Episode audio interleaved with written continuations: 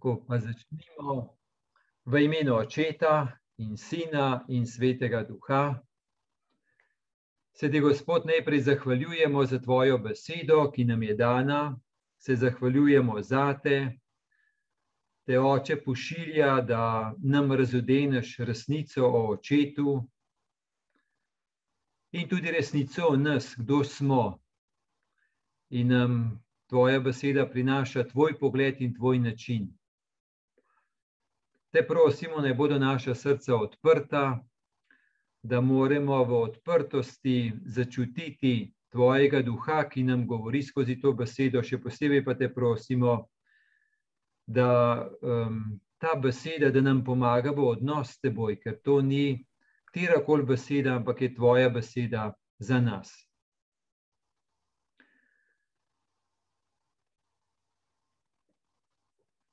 Najprej prisluhnemo odlomku.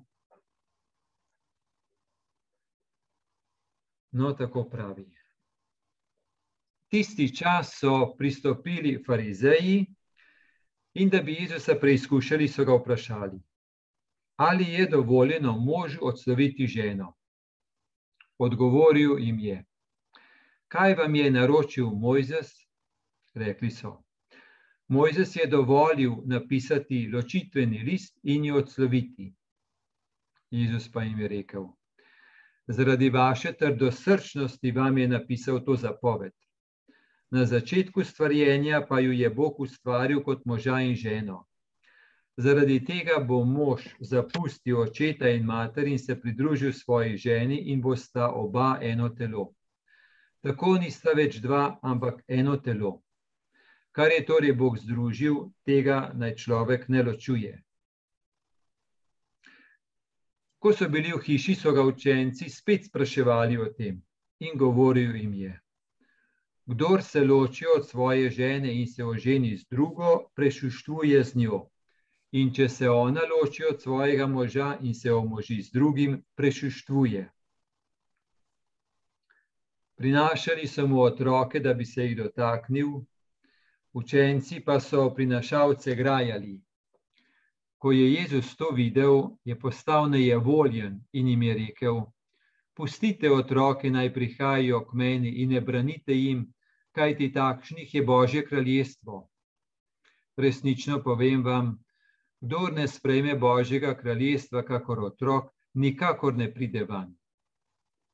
In objemal jih je, polagal na nje roke in jih blagoslavljal.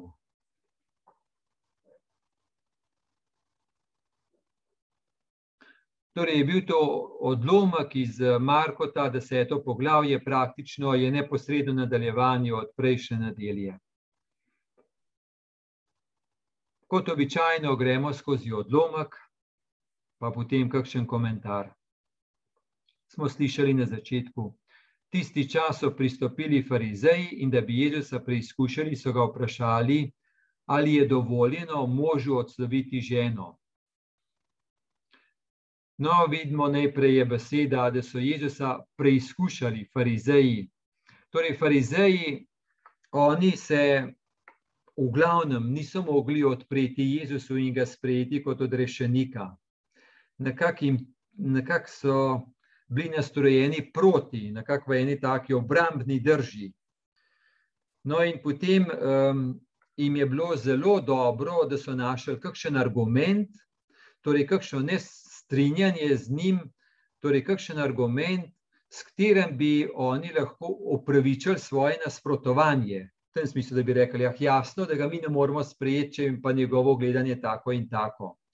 To pomeni, to se pravi, so iskali en argument, da bi lahko upravičili pred seboj in pred ljudmi, da jim Jezus ni všeč in da ga ne bodo sprejeli, se mu ne bodo odprli, ga ne bodo poslušali. To je bila taka splošna drža farizejev do Jezusa. Je pa res, da ta argument, uh, vprašanje, ali je dovoljeno možu odsloviti ženo, to je pa bilo v zraku. Ker, kot bomo pozneje videli, kako je bilo v Mojzesovi postavi, torej je bilo to dovoljenje dano, da lahko mož odslovi ženo. Ampak vendarle pa očitno je bilo v zraku to vprašanje, ali je to res dobro, Ali je to res prav? Tako da vidimo, oboje je, ne, tudi nekaj tega aktualnega vprašanja je. Gremo naprej po odlomku. Odgovoril jim je, kaj vam je naročil Mojzes. No, najprej nas lahko preseneti, da je izrazil Jezus, da je uporabil ta izraz vam, kaj vam je naročil. To se pravi, kot da bi Jezus rekel, vse mene se to ne tiče, ni rekel, kaj nam je naročil, ampak kaj je vam naročil. To se pravi, da Jezus vzame nekaj distance, kaj vam je naročil. To se pravi, kot da bi rekel, mene se to direktno ne tiče, jaz sem zunaj tega, kaj vam je rekel.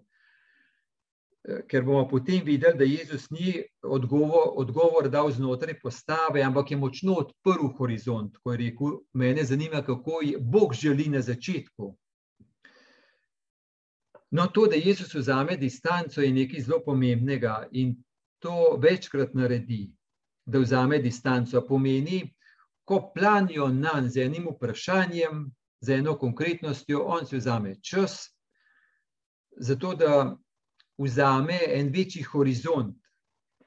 To je eno tako pomembno duhovno sporočilo za nas, ker ko smo mi kdaj vprašani za eno konkretno stvar, je potem nekako smo če smo prehitri, ker prehitro odgovorimo iz ene reakcije in znotraj samo tistega majhnega odgovorimo, iz tistega problema ven ali pa iz tistega vprašanja ven. Ampak so odgovori, ki so obreko samo iz problema ven, samo v tem majhnem horizontu, kjer se problem eh, dogaja, eh, taki odgovori so zelo malo uredni ker je treba celoto videti in potem znotraj celote pa tudi problem. In problem znotraj celote viden je drugačen. Torej je prav gotovo videti, naprimer, probleme enega človeka, če sam problem vidimo, ali pa če pogledamo celoto človeka, kaj je njegova zgodba, kaj se mu je zgodilo in tako naprej. Torej, če vidimo eno malenkost, eno tako, ne moramo videti, celoto je treba videti. No in Jezus si vzame čas. In nas uči, um, in nam daje moč, da se tudi mi učimo distanco vzeti in celoto videti. Rekli so, Mojzes je dovolil napisati ločitveni list in jo odsloviti. Torej, tukaj vidimo, da oni so Jezusa vprašali, ali je dovoljeno možu odsloviti ženo, ampak oni, kot varuhi postave, so itak vedeli, kakšna je Mojzesova postava. Tako približno govori Mojzesova postava, če kdo vzame žensko in se z njo poroči, in če ona potem ne najde naklonjenosti v njegovih očeh, ker je na njej našel kaj zoprnega, in napiše ločitveni list, in ga da v roke, jo odslovi svoje hiše. Taka je bila postava. No, in vidimo, tukaj je uporabljen ta izraz, če najde kaj zoprnega, če ne najde naklonjenosti in kaj, najde nekaj zoprnega, tam so bila poj različna gledanja, kaj pa potem je razlog za odslovitjo. In to je to vprašanje bilo. No, najprej pa vidimo, kako je ta zapoved, Mojzesova zapoved, pisana na moškega. Torej, mošk ima tisti, ki ima pravico dati ločitveni list in odsloviti ženo. Moški, za žensko ni nič napisano ženska je bila samo deležna tega, moški je pa imel to možnost. Zakaj to? Zaradi tega, ker bomo potem videli, kako bo Jezus odgovoril, bo pa postavil moškega in žensko v isto pozicijo, glede prešiščovanja. No, ta je pa še zelo taka pisana postava, zapoved na moškega. No, zdaj, kot rečeno, so te izrazi če žena ne najde naklonjenosti v njegovih očeh, ker je na njej našel nekaj zoprnega. Torej, kaj je to? To je pa bilo stvar interpretacije. No, in v Jezusovem času um, sta bile ene dve take šoli, usmeritvi, in strožja Šamajeva šola je dovoljevala ločitveni list dati se strani moškega, moža, samo v primeru zakonske nezvestobe, prevare z drugim, to se pravi, samo v primeru, če ženska svojega moža prevarala z drugim, potem je lahko ta moški, njen resnični mož, dal ločitveni list. Se pravi, ta linija je bila strožja v smislu, da je moral biti res en zelo tehten razlog. Drugi ekstrem je pa Hilelova šola. Ona je pa, ta šola je pa videla, ali pa ta usmeritev je pa videla za dosten razlog že v tem, če je naprimer žena prismodila hrano. Dobesedno tako. Torej, vsaka malenkost je dala možu že pravico, ta interpretacija Mojzesove zapovedi je možu dala že pravico, da ženo odslovi, da je dala očitveni list in reče: Mene si prej, zdaj pa se znajdi v življenju, kot želiš, z mano nimaš nič, če ne jaz s teboj. No, zdaj, zakaj Mojzes dal tako postavo? Najprej moramo to reči, ne, da Mojzesova postava je to dovoljevala. Mojzesova postava ni to normirala, ni to v tem smislu, da bi se rekli, da je Mojzesova postava legalizirala to početje, čež da je to nekaj dobrega. To ne. Mojzesova postava je bolj v tem smislu, hoče omejiti zlo. V tem smislu, če reče, evo, če tam nekaj res ne gre, pa še vse en boljš, da je na ločitu, da gre, da žena gre, pa ima saj še nekaj lahko življenja, kot pa da bi v enem takem peklu trpela. To se pravi, je bolj omejitev zdaj, kot pa da bi Mojzes rekel, ja, jaz sem zaločitveni list, čim več dajte in tako naprej. Torej, tako je bila postava, farizeji so vedeli, da je taka postava, no, kaj pa Jezus odgovoril? Jezus pa jim je rekel, zaradi vaše trdosrčnosti vam je napisal to zapoved. Vidimo, kako je spet rekel, vaše trdosrčnosti vprašanju trdega srca se bomo potem še vrnili. Torej, zaradi vaše trdosrčnosti vam je napisal to zapoved. Na začetku stvarjenja pa jo je Bog ustvaril kot moža in ženo.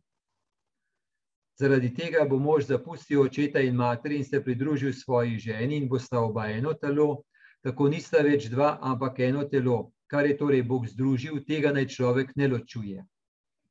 Torej, vidimo, kako Jezus tukaj se navrti na območju postave, da bi rekel, ja, jaz nisem ne za Šamajevo interpretacijo, ne za Halelovo interpretacijo, jaz sem nekje vmes ali pa kaj tazga. Ni. Sploh je rekel, ne obadam se s tem, ne bom se obadal s postavo.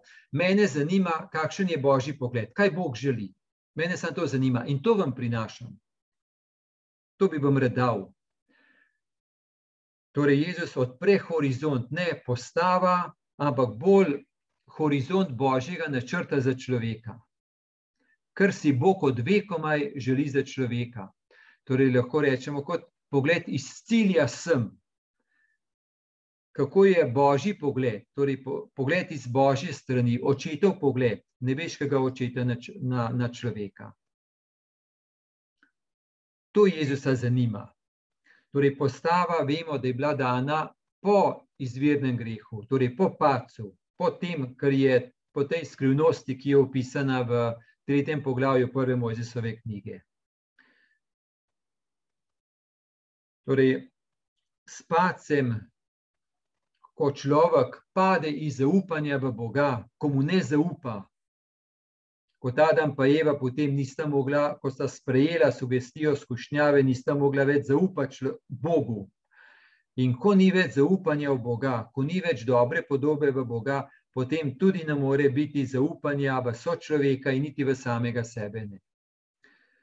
Ker vendarle bližnji je božja stvarnina in človek je božja stvarnina, in če pade zaupanje v Boga, potem pade tudi zaupanje v sočloveka. In to, kaj pomeni zaupati, zaupati Bogu, zaupati v sočloveka, zaupati mu, to res ni kar avtomatsko to, kakšen tak lahkoten optimizem ne pomaga. Zaradi tega, ker vemo, kako je človek krhak. Torej, po pacu, torej po izvirnem grehu, dinamika na mesto zaupanja in služenja postane nezaupanje, posedovanje in gospodovalnost. In torej postava je dana potem po pacu, po izvirnem grehu. Torej, Jezus reče, da izvorna ni postava, ampak očetova želja za človeka. In očetova želja za človeka je, da bi živel božjo ljubezen. In pravi, da če je bila dana ta postava o ločitvenem listu, je bila dana zaradi trdosrčnosti, pomeni zaradi trdega srca. Torej, tukaj je problem, trdo srce.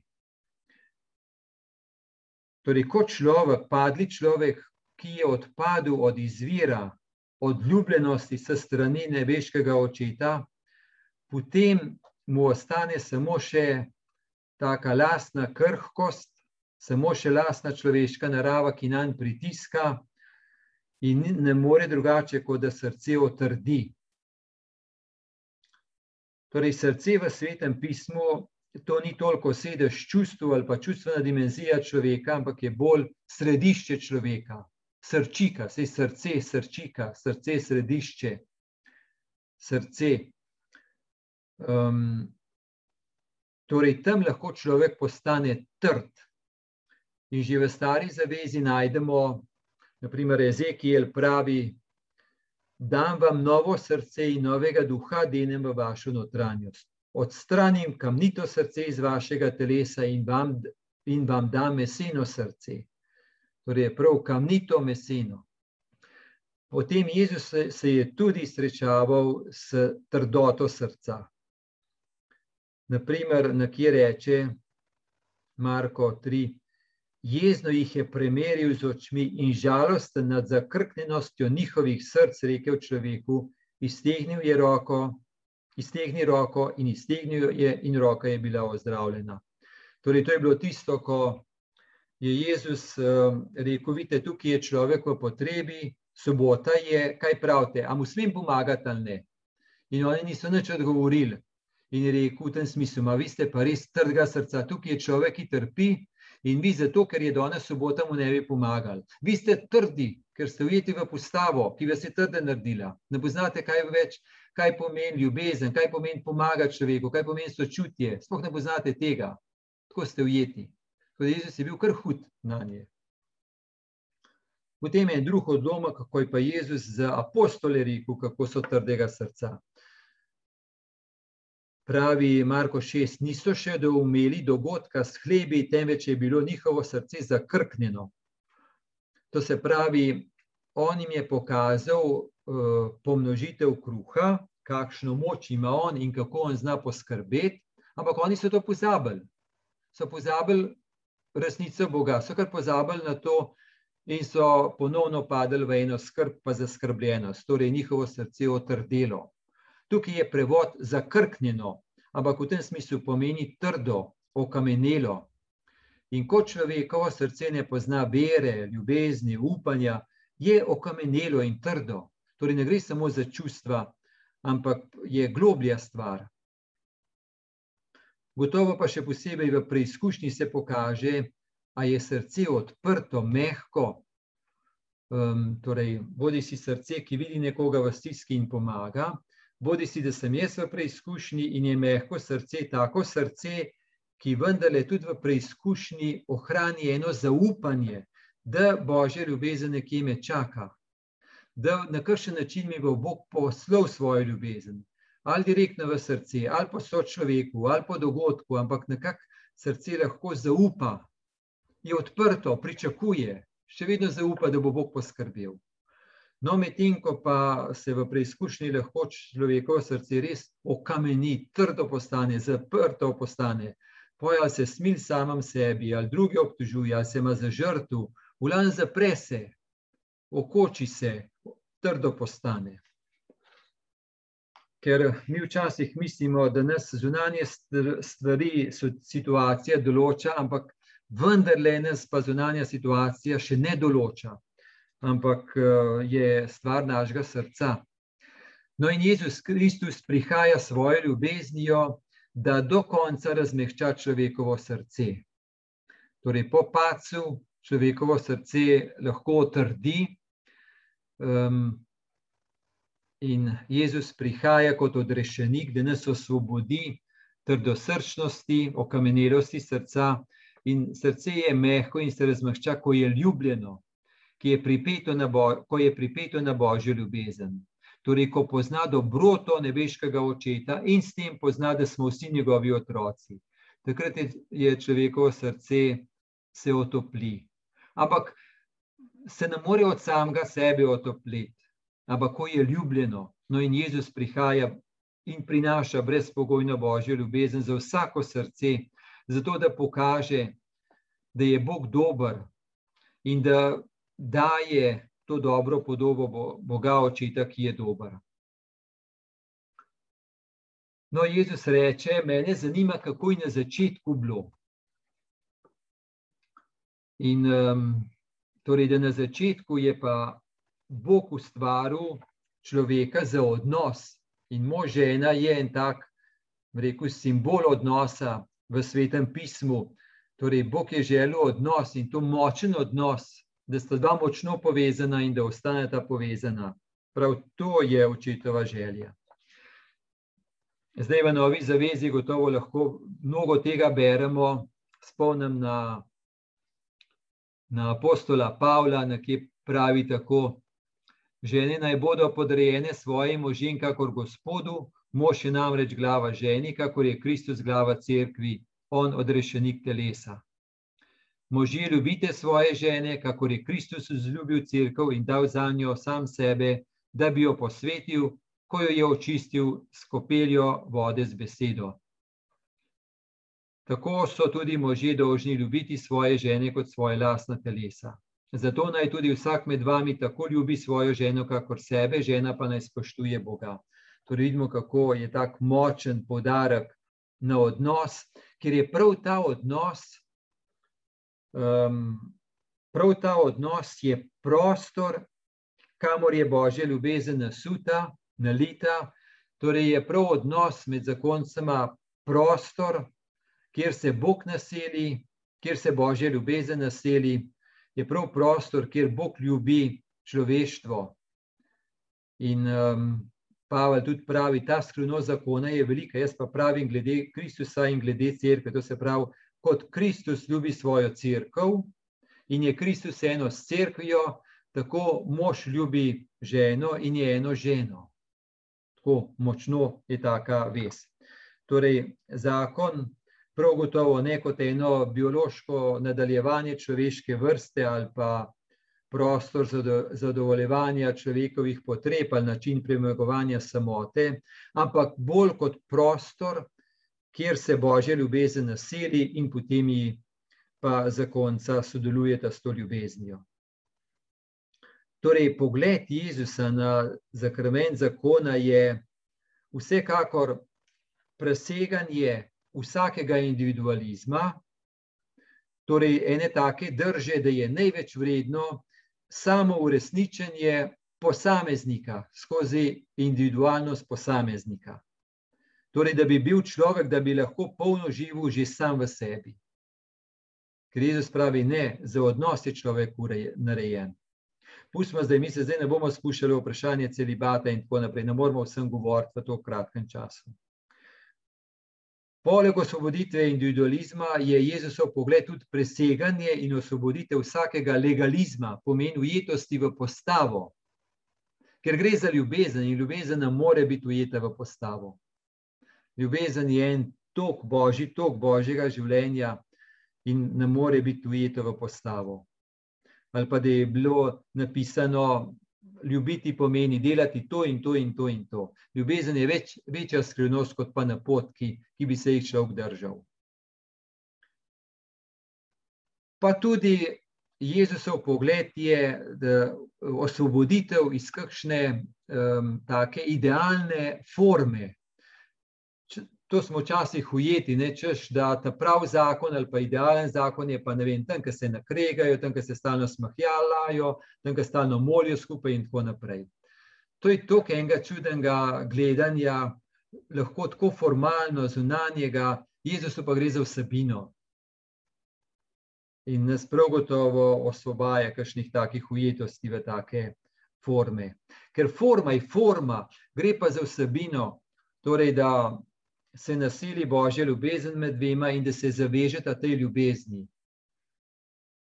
In ta božja ljubezen gre skozi veliko noč, pomeni skozi eno trpljenje, smrt v ustajenje, skozi umiranje sebi, da zaživim v odnosu. No, se mi pomaknemo naprej skozi odlomek. Ko so bili v hiši, so ga učenci spet spraševali o tem in govoril jim, in govoril jim je: Kdor se loči od svoje žene in se oženi z drugo, prešuštuje z njo. In če se ona loči od svojega moža in se omoži z drugim, prešuštuje. No, tako najprej vidimo, da je tukaj mož in žena, sta v oba dva v enaki poziciji. Ni tako kot pri Mojzesu, mož ima pravico dati ločitven list, žena nobene. Edin, da sprejme ločitven list. Ne? No, tukaj vidimo, oba dva postavlja čist na isto mesto. Uporabljen izraz je prešuštvuje. Kdor se loči od svoje žene in se oženi z drugo, prešuštvuje. Zdaj, prešuštvuje, etimološko ta izraz v slovenščini je prešuštvuje, pomeni, da je proti šesti zapovedi. Prešuštvuje proti šesti zapovedi. Mi včasih smo rekli, tudi uh, smo se učili pri veruku, ne nečistuj. Torej, iz te zapovedi ne, ne prešuštvuj, um, je tekom zgodovine crkve res ogromno bilo nalepljenega na, na, na to zapoved. Ogromno, ne. Torej, v stari zavezi je ta zapoved bila prav na to, ne, tako kot Jezus reče, iti od svojega preč k drugam. Tako, ne, to je bilo. Poj, to glede ne nečistovanja, to je pa bilo toliko naleženega, da včasih se človek prav za glavo drži, kaj vse crkva učila. Prav ena breku, ne vem, prav ena čudna preobčutljivost na vse, kar bi bilo s spolnostjo, pa vse sumljivo, pa to, pa to, pa to, skratka, nagrmadenega toliko, da žal je bilo tako. No. Hvala Bogu, pa da se stvari boljšajo. Hvala Bogu, da smo v tem času. Se spomnim, enkrat na eni poroki je bilo, pa smo pri večeri poj sedela skupaj pri mizi, ko je bila fešta, eh, z mamo od naveste in smo se malo pogovarjala in je rekla, o, kako je dobro, ko vidim, kako danes v cerkvi govorite o spolnosti, prav, če bi povedala, kaj so nam rekli, prav, to je bilo čist nekaj drugega. No, tako. Torej, Jezus to reče, ne, glede prešuštovanja kdo se loči od svoje in se oženi z drugo. Se zapravi, če se loči od svoje, niti še ni zanj prešištovanje, ampak če potem gre pač z drugo, to pa je. Ne? Mi gotovo se zdaj ne moramo ukvarjati s tem, kaj pomeni to razveza, pa nično zakona, pa to veste, da tukaj nimamo eh, časa za to. Je pa res, da torej, ko Jezus tukaj postavi en pogled na na, na to, ne, kaj ni prešištovanje, torej kaj pomeni zvesta ljubezen, to pa jasno pove, da neločljivost krščanskega zakona ni ena nemogoča norma, ampak je neločljivost krščanskega zakona in prostor odrešenja. To pa ni edini, pač kakšni, ki imajo drugačno pot, je drugačno pot. Ne?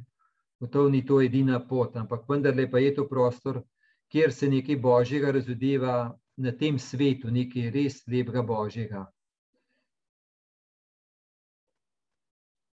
Pavel podobno reče: Za koncem pa naročam, ne jaz, temveč Gospod, naj se žena ne loči od moža, če se že loči, naj ostane neomožena in naj se z možem spravi. Tudi mož naj žene ne odpušča. Tudi vidimo, tudi uh, Pavel pomeni enega in drugega, nekako postavi v podoben položaj. No, se premaknimo naprej. Zdaj pa vidimo en stavek, pravi, prinašali so mu otroke, da bi se jih dotaknil, učenci pa so prinašalce grajali.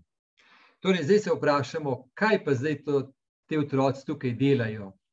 Prej je bil govor o takih pomembnih stvarih, zdaj pa tukaj te otroci zraven padajo. Kaj, kaj je to, kako je pa to sveto pismo napisano, da so take stvari skupaj?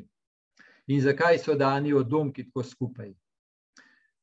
Zdaj je res, ne, če so se oni pogovarjali o ločitvah, pa o teh stvarih, bi rekli, no, to so stvari za odrasle, kaj imajo otroci, otroci ne bodo proč, ne smejo to poslušati. To je za odrasle, zrele ljudi, otroci imajo pa nad s tem.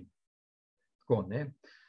Lahko da je bilo njihovo um, razmišljanje tako.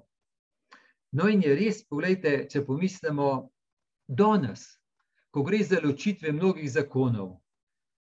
A ne imajo otroci kakšno besedo zraven ali ne? Kaj pravite? A ne bodo samo predmet, da se odločajo, komu bodo dodeljene, na kakšen način in tako naprej. Torej, gotovo to, kar rečem, ni zdaj zagovarjanje, da, je, da, da ima smisel v vsakem primeru zaradi otrok ostati skupaj. To ne rečem. Ampak, da pa marsikdaj, ko gre za ločitve staršev, da imajo otroci bolj ta prav občutek, zakaj gre v življenju in kaj je bistveno, to je pa tudi marsikdaj res. In tudi to, da otroci verjetno so pri ločitvah mar zdaj prezrti. Pač morajo to sprejeti. Se jih niti ne posluša kaj dost. Torej, to hoče reči, ne, če so jih takrat nekako učenci so rekli, pejte otroci proč, mi se pogovarjamo o resnih stvarih. Ja, danes se iz tega stališča dosti podobno dogaja. Ne, kaj imajo otroci pri tem? To je stvar odraslih, otroci pa pač bodo morali sprejeti kar so pač eh, zgodili, kar so pač sta, starejši skuhali. Ne. No, vidimo, da so učenci, so prinašalce grajali. Poglejmo, kako Jezus odgovori. Ko je Jezus to videl, je postal nejevoljen. To je zelo močen izraz, nejevoljen. In jim je rekel: Pustite otroke, naj prihajajo k meni in ne branite jim, kajti takšnih je Božje kraljestvo resnično povem vam, kdo ne sprejme Božjega kraljestva, kakor otrok, nikakor ne pride van. In objemal jih je, polagal na nje roke in jih blagoslavljal. Torej, ta izraz nejevoljen je res močen. Marko evangelij, on ni tak, da bi zdaj prav strašno veliko govoril o Jezusovih čustvih, no ta izraz pa kar uporabi in je močen.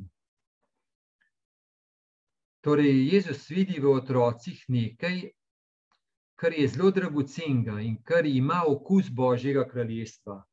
Takšnih je Božje kraljestvo. To se pravi, če je prej govoril, kakšen zakon je pot Božjega kraljestva, pa zdaj v tem smislu govori, kakšna je drža, notranja drža človeka za vstop v Božje kraljestvo. No, in zdaj, če pomislimo, kakšen je otrok, kaj je značilnost otroka, Torej, najprej je, da otrok zaupa in je odprt, ni samo zadosten, ni nekakšne tega trdega srca, ker tako se nam lahko naredi, da v življenju skozi kakšne trpke izkušnje se zaupanje poruši, se srce zapre, postane trpko, eh, nekako trdimo v srcu skozi take izkušnje v življenju. No, otrok pa tega še nima, lahko še zaupa, ima eno tako primarno, a priorno zaupanje, ne to priteče k mamici, kočku. Um, in dejansko, ko on priteče v svoji neboglenosti, nima nekako. On prikliče iz njiju eno bližino in toplino. In to je moč otroka. Tako da lahko rečemo, da um, ima otrok eno strašansko moč ki je prav v njegovi nebogljenosti. Torej, moč otroka je prav, da smislu, lahko rečemo, da je tako šibek, da potrebuje nekoga in tako prebudi v nekom ljubezen. Torej, nebogljenost otroka je dejansko njegova moč. Tako pravica otroka, da nekaj prejme, da dobi v dar, je njegova nebogljenost. Si ne iztrga sama, ampak nekako prejme in je prav, ravno skozi nebogljenost.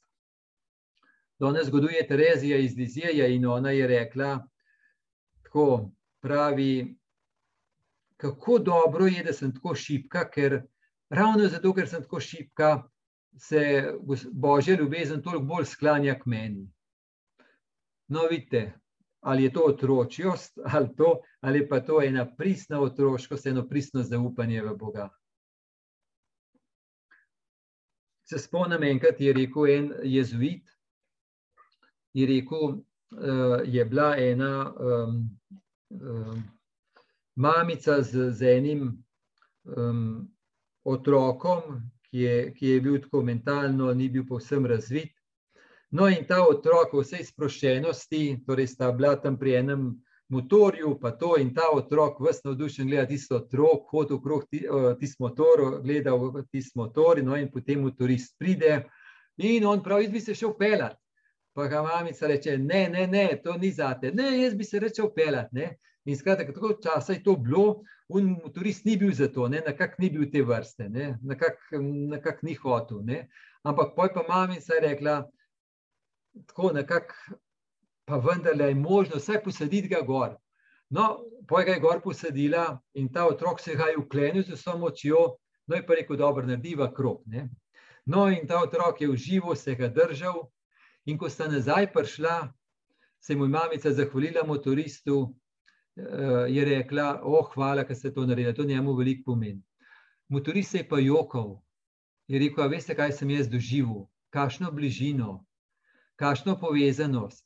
Jaz sem nekaj tazga doživel, da se mi še ni v življenju naredil. In je jokal. Motorist, se predstavljate na tistem velikem motorju in se je jokal. To je moč otroka. To je res ena čist druga moč, ki jo mi odrasli poznamo samo ene vrste moči. Ne? Kaj pa Jezus pravi, ne, gre za eno drugo moč, ki ni vezana na eno človeško moč, pa na samo zadostnost, pa kdo kaj je in tako naprej. Ampak je ena druga moč, ki otroče poznajo. In zato je otrok je resen velik dar za človeštvo, pa za crkv.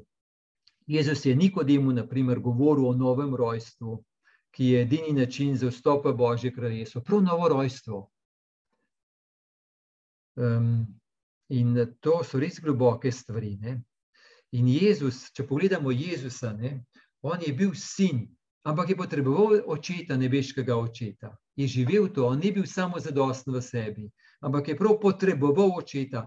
In potem na koncu je povsem izročil očeta, da bo oče rešil situacijo, ko se, bo, ko se je on dal povsem v človeške roke, ko je umrl na križu, se ni več sam rešil situacije, ampak je zaupal očeta, da bo on poskrbel. No, in to je eno tako božje otroštvo, ki nam ga Jezus prinaša. Krst nas vključi v, to, vključi v to Božje kraljestvo in krst je ena pot, ki jo hodimo tekom življenja. Tako, zaključimo na tem mestu. Naj vas vse spremlja Božji blagoslov, blagoslov Boga Očeta in Sina in Svetega Duha. No, tako in blagoslovljeno nedeljo. Hvala, Bogom. Hvala, lahko noč.